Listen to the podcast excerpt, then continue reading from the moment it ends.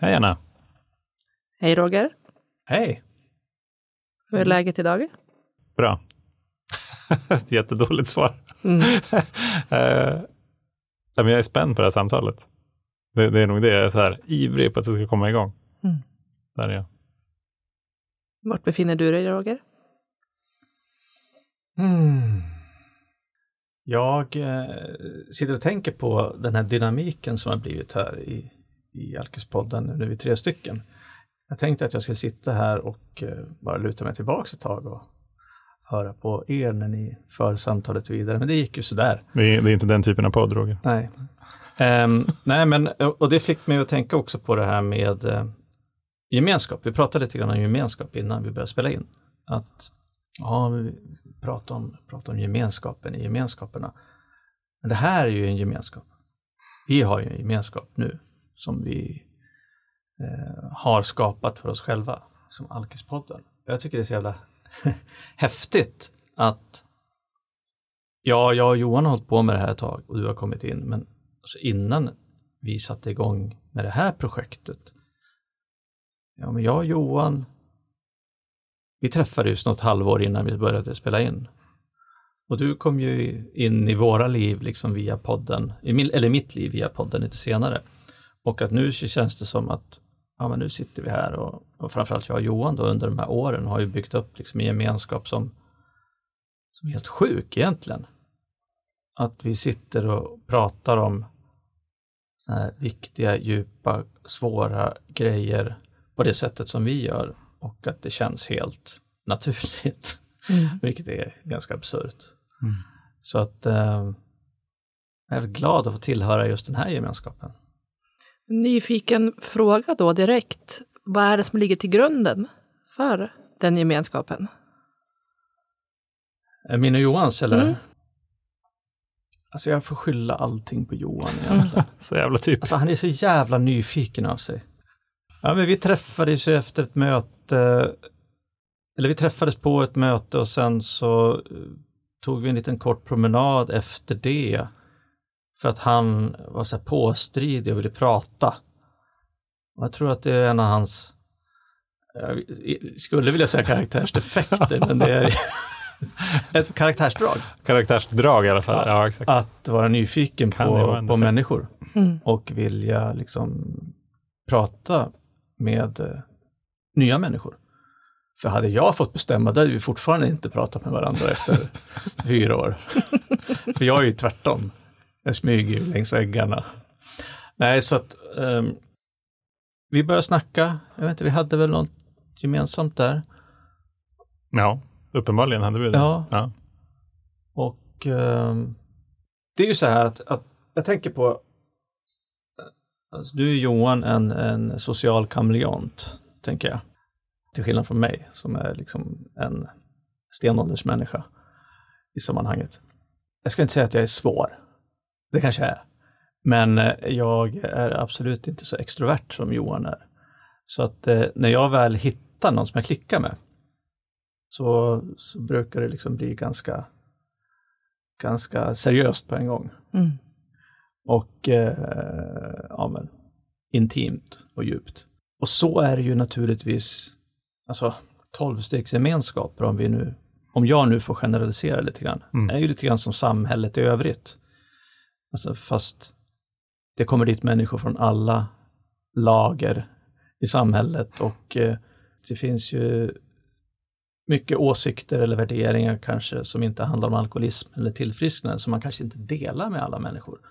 Och man behöver ju inte, man behöver inte vara, vara kompis med alla alkoholister. Men det finns ju någon, alltid någonting där det här, i den här gemensamma lösningen som vi har hittat och vårt liksom, problem som vi har som gör att man kan hitta common ground med i princip vem som helst. Mm.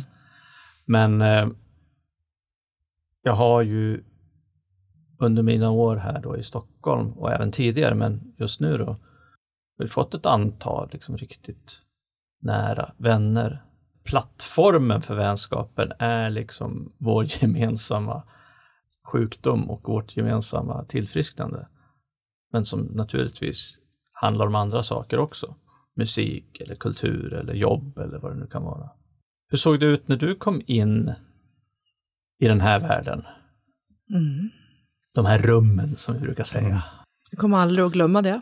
Ehm, Det handlar ju om att föra ordet vidare, om att, att någon som är med i gemenskapen eh, berättar om det för någon annan. Och precis så var det i mitt fall också. Jag hade bjudit en, en gammal kollega på middag, eller lunch, och jag luskade lite grann om, jag hörde att han var nykter och, och jag hade gett mig själv en, en liten paus, om jag kallar det, från, från drickandet. Var nyfiken på hur, hur han gjorde. Då berättade han att han eh, var med i en tolvstegsgemenskap och frågade om jag inte skulle följa med på ett möte. Jag sa nej. Det är klart du gjorde. kom blixtsnabbt. Sen så kom det nästan lika fort igen. Vad heter det, vad, när du fick frågan, vad tänkte du då? Jag kommer inte ihåg. Det var bara så solklart att nej, Mm. Ja, det var ett nej bara. Ja, no way. Sen gick det inte så lång tid tills jag sa så här, jo, eh, jag hänger på.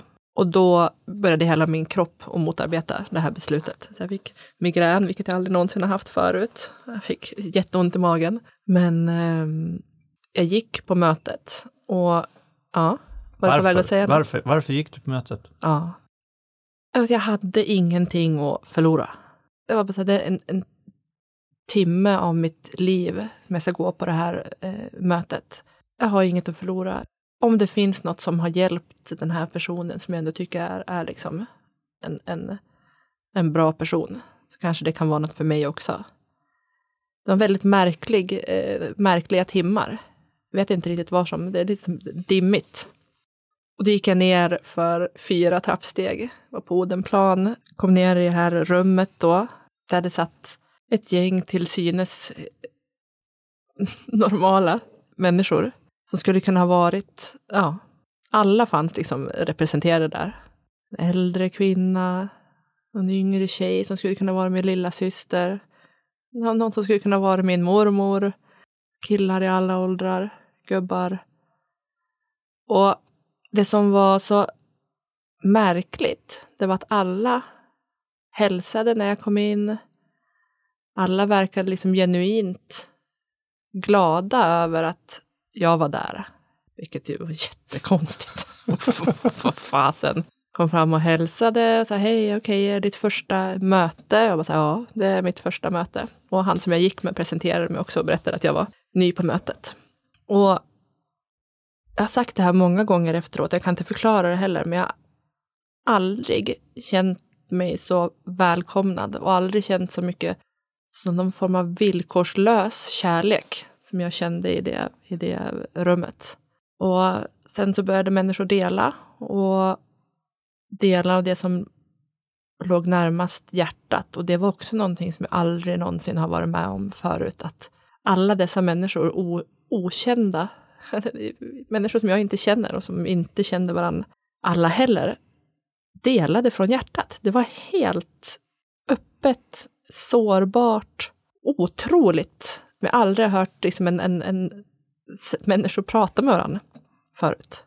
Och att få sitta och höra människor dela med sig om sitt innersta skamliga, fruktansvärda känslor, saker som de gjort. Och alla sitter och, och ja, dömer inte är väl det jag vill säga. Det är ju det gemensamma i gemenskapen. Att vi blottar oss helt och fullt och vi får ändå vara med. Jag får berätta om allt djävulskap jag hittar på, om all, all skam. Och jag får komma tillbaka. Jag får vara med. Det blev mycket här på en gång nu. Det jag har sagt tidigare som jag har uppskattat, som ni har förmågan, som jag tycker, det är att vara medvetna om vad ni börjar att säga och vad ni säger hela vägen till slutet. Jag, jag, jag vet inte vad jag säger längre. Bara. Det, är precis. Så, Help me out, vart är vi? det, det, det kanske låter bra, men det, det, finns alltså ingen röd tråd. Hon avslöjade. Ja, precis.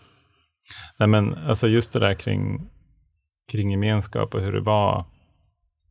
Alltså det, det är ju väldigt speciellt. Man, man kan ju aldrig göra om sitt första möte. Så här, om, och du tänker tillbaka på, så här, du går ner de där trappstegen, du sitter där med de här människorna som du, och du har bara träffat en av dem förut. Du blir introducerad, du hör folk som, som sitter och berättar om jobbiga, hemska, kanske roliga saker, men som är djupa. Vad tänkte du? Vad kände du? Ja, men vad fasen är det här? Mm. Och sen kände jag, jag grät under hela första mötet. Av eh, lättnad och rädsla. En lättnad av att jag förstod att jag hamnat rätt. Jag är bland likasinnade som beskriver mig genom deras ord. Och rädsla för att jag inte visste, okej, okay, vad händer nu då? Nu är jag det jag ska vara, men jag har ingen aning om hur, vart jag går härifrån. Och hur var det sen då? När, när gick du på ditt andra möte? Jag vet inte, jag kommer inte ihåg. Mm. Det här var liksom så stora grejer. Man fick, det jag kommer ihåg från mötet eh, som sades var att, att kom tillbaka, vilket alla sa till mig, kom tillbaka och sen ta en sponsor som kan hjälpa dig genom stegen. Så att jag gjorde ju det. Tog en, en sponsor på första mötet. Och sen så kom det fram massa tjejer eh, som gav mig sina telefonnummer och sa eh, ring mig. Mm. Och det första jag tänkte var det kommer jag aldrig att göra. Jag skulle aldrig ta någon annans tid och prata om mina problem. Och precis som att de läste mina tankar så sa de, vi vill att du ringer. Det hjälper mig om du ringer. Mm. Trodde du på det? Nej, men jag var ändå i ett, ett, ett undantagstillstånd där jag gjorde som de sa. Vilket jag har, har tänkt mycket på efteråt också. Här är det främmande människor som säger åt mig vad jag ska göra och jag lyssnar på det och jag gör det. Tänkte du då och där tanken att de här människorna kommer bli de viktigaste människorna i mitt liv framöver? Nej. Jag tänkte säga instinktivt, nu, jag var ju på behandling när jag gick mitt första, mina första möten, så att jag blev ju bussad till möteslokalen. Men... Kallade ni det för antabussen? Ah. men, eh, men jag tänker så här att när jag kom hem, att jag gick på möten, men sen så var det jävligt bråttom därifrån. Det kan vara svårt att komma in på möten där det finns liksom en stark gemenskap, även om den är liksom öppen och inbjudande. Därför att det är så läskigt att se andra människor som känner varandra så bra. Mm. Och så här, hur ska jag, hur ska jag komma in i det här gänget? Liksom? De där människorna kommer inte vilja lära känna mig. alltså lite så. Mm. Beroende på hur man är lagd då. Men för mig var det lite grann så. Jag tyckte det var, jag tyckte det var ett ganska stort steg. Att gå på möten för mig, det var lätt. Alltså, det är ungefär som att sitta i ett klassrum. Det har jag alltid haft lätt för, liksom, att kunna prestera och prata så här, eh, på beställning. Men att att sen alltså, en och en eller efter mötet, före mötet, liksom skaffa kompisar, det har varit mycket svårare för mig. Eh, och jag har ju berättat om att jag försökte liksom smita undan när min sponsor ville att jag skulle komma liksom hänga hem i någon lägenhet med massa andra nyktra alkisar och kolla på film eller spela spel och nej men det vet jag har mycket att göra bla bla bla. Tills jag en dag gick dit och kände när jag kom in i den där lägenheten som var full med massa människor som var så jävla coola och unga och, och nyktra. Att jag bara, vad fan gör jag här? Mm. Som tur var så var det en som var typ i min ålder som satt i en soffa så jag satte mig bredvid honom. Och sen bara dagar eller veckor senare så var ju liksom halva den där lägenheten så en handfull människor liksom. De bästa vänner jag haft. Och det finns någonting speciellt i, i de här tolvstegsgemenskaperna, att det är, det är både lättare och svårare att liksom få eh, nya vänner. Men potentialen att skaffa nya kompisar är otroligt stor, måste jag säga. Tycker jag i alla fall, på tolvstegsmöten. Eh, Hur blev det för dig där i början? Liksom, lyckades du Skaffade du liksom några nära vänner i gemenskapen? Eller skaffade, det låter som. Mm. Um, jag gick på fyra möten i veckan under jättelång tid. Så det var ju de som jag umgicks med. Mm. Och apropå det du säger, medan du berättade det du gjorde så tänkte jag på det här att vi också har en många som är alkoholister har en, en förmåga att sätta sig utanför och separera sig från, från andra. Tycka att man inte är riktigt värd att vara med eller tycka sig vara olika och inte få vara med. Men det kanske inte riktigt är så. Men. Så jag tänkte att vänner var liksom, jag vet inte ifall jag tänkte på att jag skulle skaffa nya vänner, utan gemenskapen och det som människorna som, som gick på mötena och som jag träffade varje dag blev ju jag tror inte jag tänkte på definitionen av vänner, utan det här var ju människor som jag blev glada av att, att träffa, som verkligen vi möttes på en plats där jag inte hade mött människor mm. förut. Från alltså, icke dömande, öppen plats. Jag tänkte på utifrån det du sa också, att vi alltid har någonting att prata om. Och då är det inte väder och vind, utan vi går liksom direkt in på kärnan av. Och där har vi, det har vi alla gemensamt. Mm. Jag tycker det är häftigt när man tänker på traditionen som säger att säga, kravet för medlemskap, det enda kravet för medlemskap är en önskan att sluta dricka. Så att det vet jag ju då om jag kommer in på ett möte till exempel. Ja, det verkar som att alla som är här har en önskan att sluta dricka. Wow, okej, okay. det är ju någonting ganska stort att ha gemensamt. Och därför så är det ju så lätt också att, så okay, att prata om det och allt som kan, kan härröra det. Som nu till exempel i vår, min och Rogers hemmagrupp, så är det flera som har blivit eh, föräldrar, pappor, här, eh, på senaste. Och Elma är ju två och ett halvt, så att det, det, det, blir så liksom lätt att prata om nykterheten i förhållande till föräldraskapet.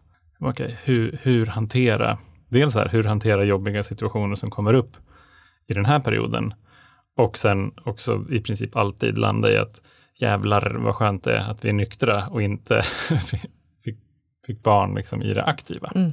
Och jag, tror att liksom där någonstans så, så går det som är en, kallar det då liksom en generell gemenskap till liksom mer, mer och mer vänskap. Liksom ju fler trådar vi hittar där vi har likheter, helt enkelt. Mm. Och det kan ju vara likheter i så här, vi är i de här olika faserna i livet, eller likheter i så här, hur jag och Roger uppenbarligen delar ju någon form av fascination för att ändå liksom djupdyka i ämnen som har att göra med alkoholism ganska brett. Mm. Eh, och ja, liksom på, på det utforskande sättet så hittar vi någonstans här de som blir, de som blir våra vänner. Jag har i, i gemenskapen har jag också flera som är sådana som, ja, som, som jobbar med liksom ungefär det jag gör. För att det är så sjukt intressant tycker jag att, att prata med dem i förhållande till, liksom, till nykterhet. Mm. Ja, okay, hur, hur, ska jag hantera liksom, den här utmaningen på jobbet eller med den här kunden? Eller så, vad hade du gjort? Sådär. Och det är klart att jag kan prata med, jag kan prata med mina kollegor på jobbet. Men jag kan också prata med en annan nykter alkoholist som jag vet har gått igenom ungefär samma sak. Det är, eh, ja, det är en jäkla gåva helt enkelt tycker jag. Mm. Innan eh, min relation nu tog slut mm. så var det en, en, knackig tid som jag behövde hantera. Och det har jag gjort med hjälp av, precis som du säger, att, att jag har en, en, en bunt med fantastiska människor i, programmet som har genomgått samma saker som jag. Och utifrån det perspektivet att vara nykter alkoholist och hantera ett, ett potentiellt uppbrott mm. och de fruktansvärda rädslor som jag gick igenom där. Och att verkligen ha någon som, som kan fråga mig de frågor som behövs frågas utifrån min problematik. Vad är din del? Vad är det som händer i mm. dig? Finns det, när jag kommer ihåg när jag, när jag ringde till dig, finns det någon risk för din nykterhet mm. nu i det här? Okej. Okay. Att det inte bara handlar... Det finns så många andra dimensioner i, i ett för någon, någon annan ett problem som bara handlar om en sak. Nu är det det här uppåtet. För, för mig så handlar det om massa andra saker i det, som någon som har gått igenom det kan förstå på ett helt annat sätt. och då stötta mig och få mig upp ur, ur diket till vägen att fortsätta eh, framåt. Mm. Än att kanske dit jag skulle gå, att någon form av vältrande i, i problemet. Så blir det snarare liksom en, en, en, en rörelse mot ett, ett bättre ställe. Och det kan ju bara vara påminnelse om att Anna, du behöver gå på möten nu, eller det säger ju inte en, en nykter, eller en nykter vän, det säger ju inte en vän med icke-problematik. Men det kanske är precis att gå på möten eller göra de olika, eller använda sig av de olika verktygen som vi har. Det där, det där är ju spännande. För Josefina kan ju ibland säga så här, är det inte dags att gå på ett möte? och, det, och hon tar ju det på, ja men så här, att, att jag är lätt irriterad eller så här snöat in på, liksom, på någonting. Och hon vet att så här, men det funkar ju för dig att gå på möten. Men, men, då, men då är det såklart någon som är väldigt nära också. Men jag tycker också att en annan del av det är alltså de vännerna som jag har utanför gemenskapen. Till exempel alla de, eller inte alla, men liksom delar av de vännerna som jag hade innan jag blev nykter. Där har ju snarare vår vänskap fördjupats, liksom tack vare, tack vare nykterheten. Eh, och det är nog för att vi har hittat liksom, nya djup i våra respektive relationer. Sen så är det andra vänner som jag hade då som inte är kvar. Det ska jag också säga. Men, men av de vännerna som jag har så är det fina relationer. Mm.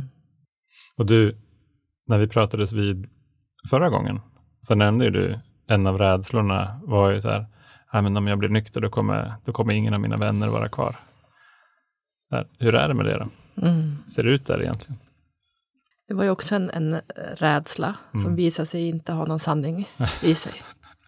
En till på listan. Ja.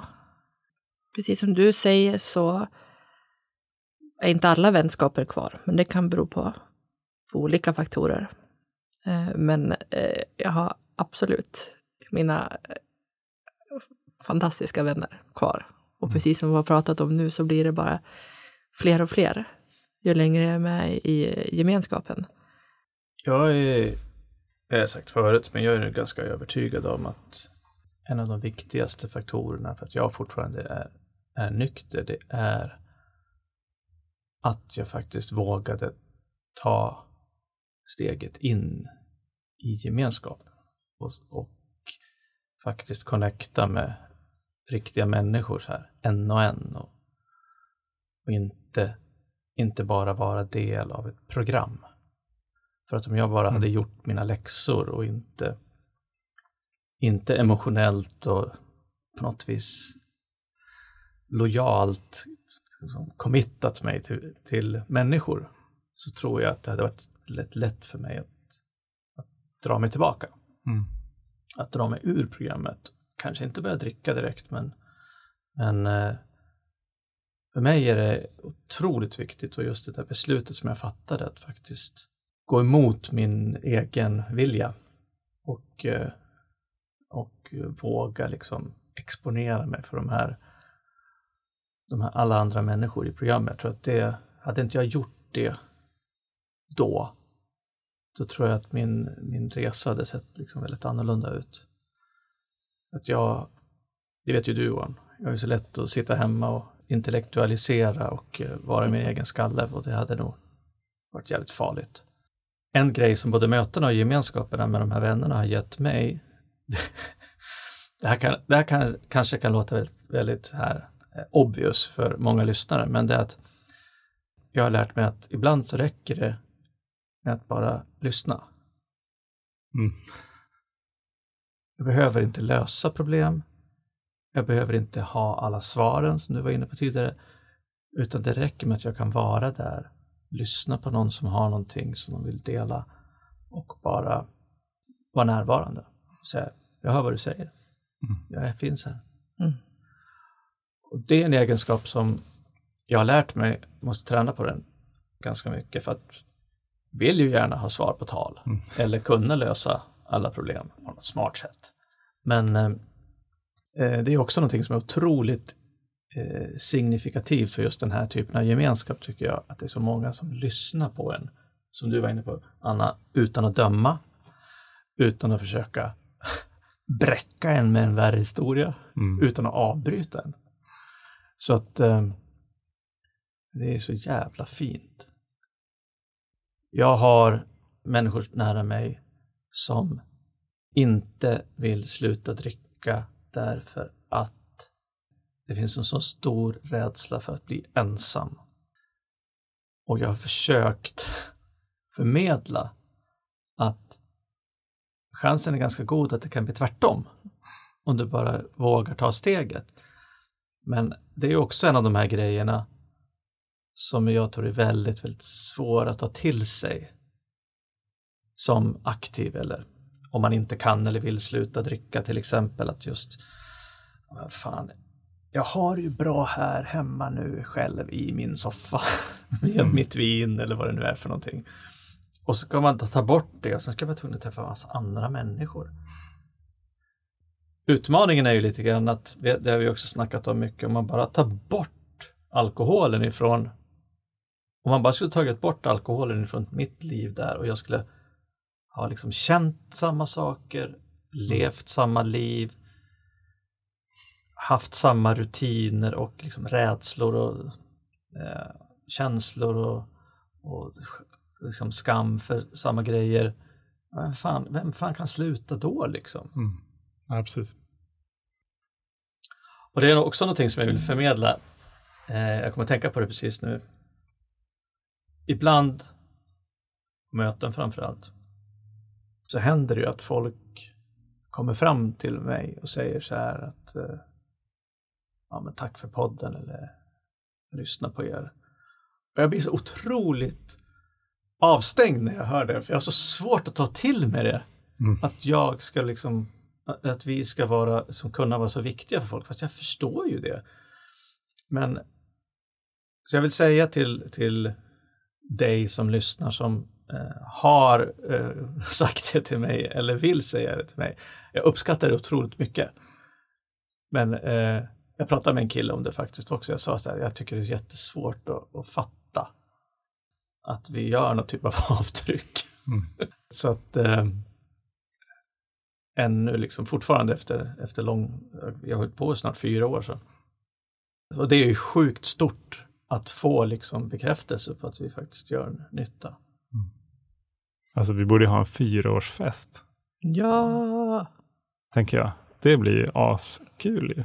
Roger verkar som att han kommer att dansa på den. Roger är Ja, på. vi har ju... Jag menar, nu, nu, nu får man ju ha fester Mhm. these ja, precis. Vi har ju lite kul. festfolk, höll jag på att säga, inplanerade som gäster framöver. Ja, det vi får har se till att styra upp någonting. Ja, exakt. Det blir ju skitnice. Vad heter, jag har en reflektion som jag, som jag kom på när jag hör era kloka delningar här. Och det är just den här, den här rädslan för att bli ensam, där liksom i det aktiva. Jag menar, jag tror att jag kände mig ju jätteensam när jag var aktiv. För att jag, och, och någonstans så blir det så, det blir så jävla snurrigt för att jag var så himla rädd för att liksom förlora alla de här vännerna. Då, liksom om jag skulle sluta och liksom, ah, vad ska folk säga och sådär. Och det i sig gjorde att men jag är inte säker på att de här vännerna är kvar. Det gör, då känner jag mig ännu mer ensam. Så att det, det, var, det var nog inte liksom det att, jag var nog bara rädd att de inte var mina vänner, punkt. Mm. Och det gjorde att jag kände mig ensam. Så jag, jag vågade liksom inte rucka på någonting som gjorde att liksom någonting skulle hända som var negativt. Till exempel då att vännerna skulle försvinna. Men det är ju helt ohållbart. Mm. Att liksom tassa runt på tå liksom eh, i sitt eget liv. Det är helt jävla sjukt ju. Mm. Det är klart att jag behöver dricka då. Det var en reflektion som jag hade. Och, och också att det är bara en känsla. Det är inte så att så här, ja, men när jag har hundra vänner, då kommer jag inte känna mig ensam om det. Eller när jag har tio, eller fem, eller tusen. Alltså det spelar ju ingen roll. Det har ju inte någonting med någon numerär att göra. Nej. Alltså alls överhuvudtaget. Det handlar ju snarare om hur tillfreds är jag med mig själv. Det är en jättebra poäng tycker jag. Och det är ju så här, det som är paradoxalt i det här, tycker jag, det är ju sådana upptäckter som jag har gjort under min nyktra resa. Att ja, men ju fler människor i gemenskapen som jag använder, om man vill använda det uttrycket, för att lära mig mer saker, för att få stöd och support och som jag kan liksom hjälpa också. Desto mer kan jag bestämma vem jag vill vara. Mm. Alltså det handlar, om, det handlar om en personlig utveckling för mig. Och då tänker jag så här, ja men den ska man göra liksom här inne i skallen och i hjärtat liksom och kanske be till Gud om vägledning. Eh, men jag har upptäckt att för mig så funkar det i personlig utveckling att jag blir mest utvecklad genom att interagera med andra människor. Mm. För att man bara skulle utveck försöka utveckla mig själv Mm. i den här störda hjärnan som jag har. Det Don't try this bli- at home. Nej, precis. Det skulle bli jävligt dåligt. Så att det är ju ingen paradox, men i min alkoholistiska hjärna så har jag, har jag, jag har liksom, jag har gjort det till en paradox. Mm. Att Ja, jag behöver andra människor för att utvecklas själv. Vilket är helt naturligt.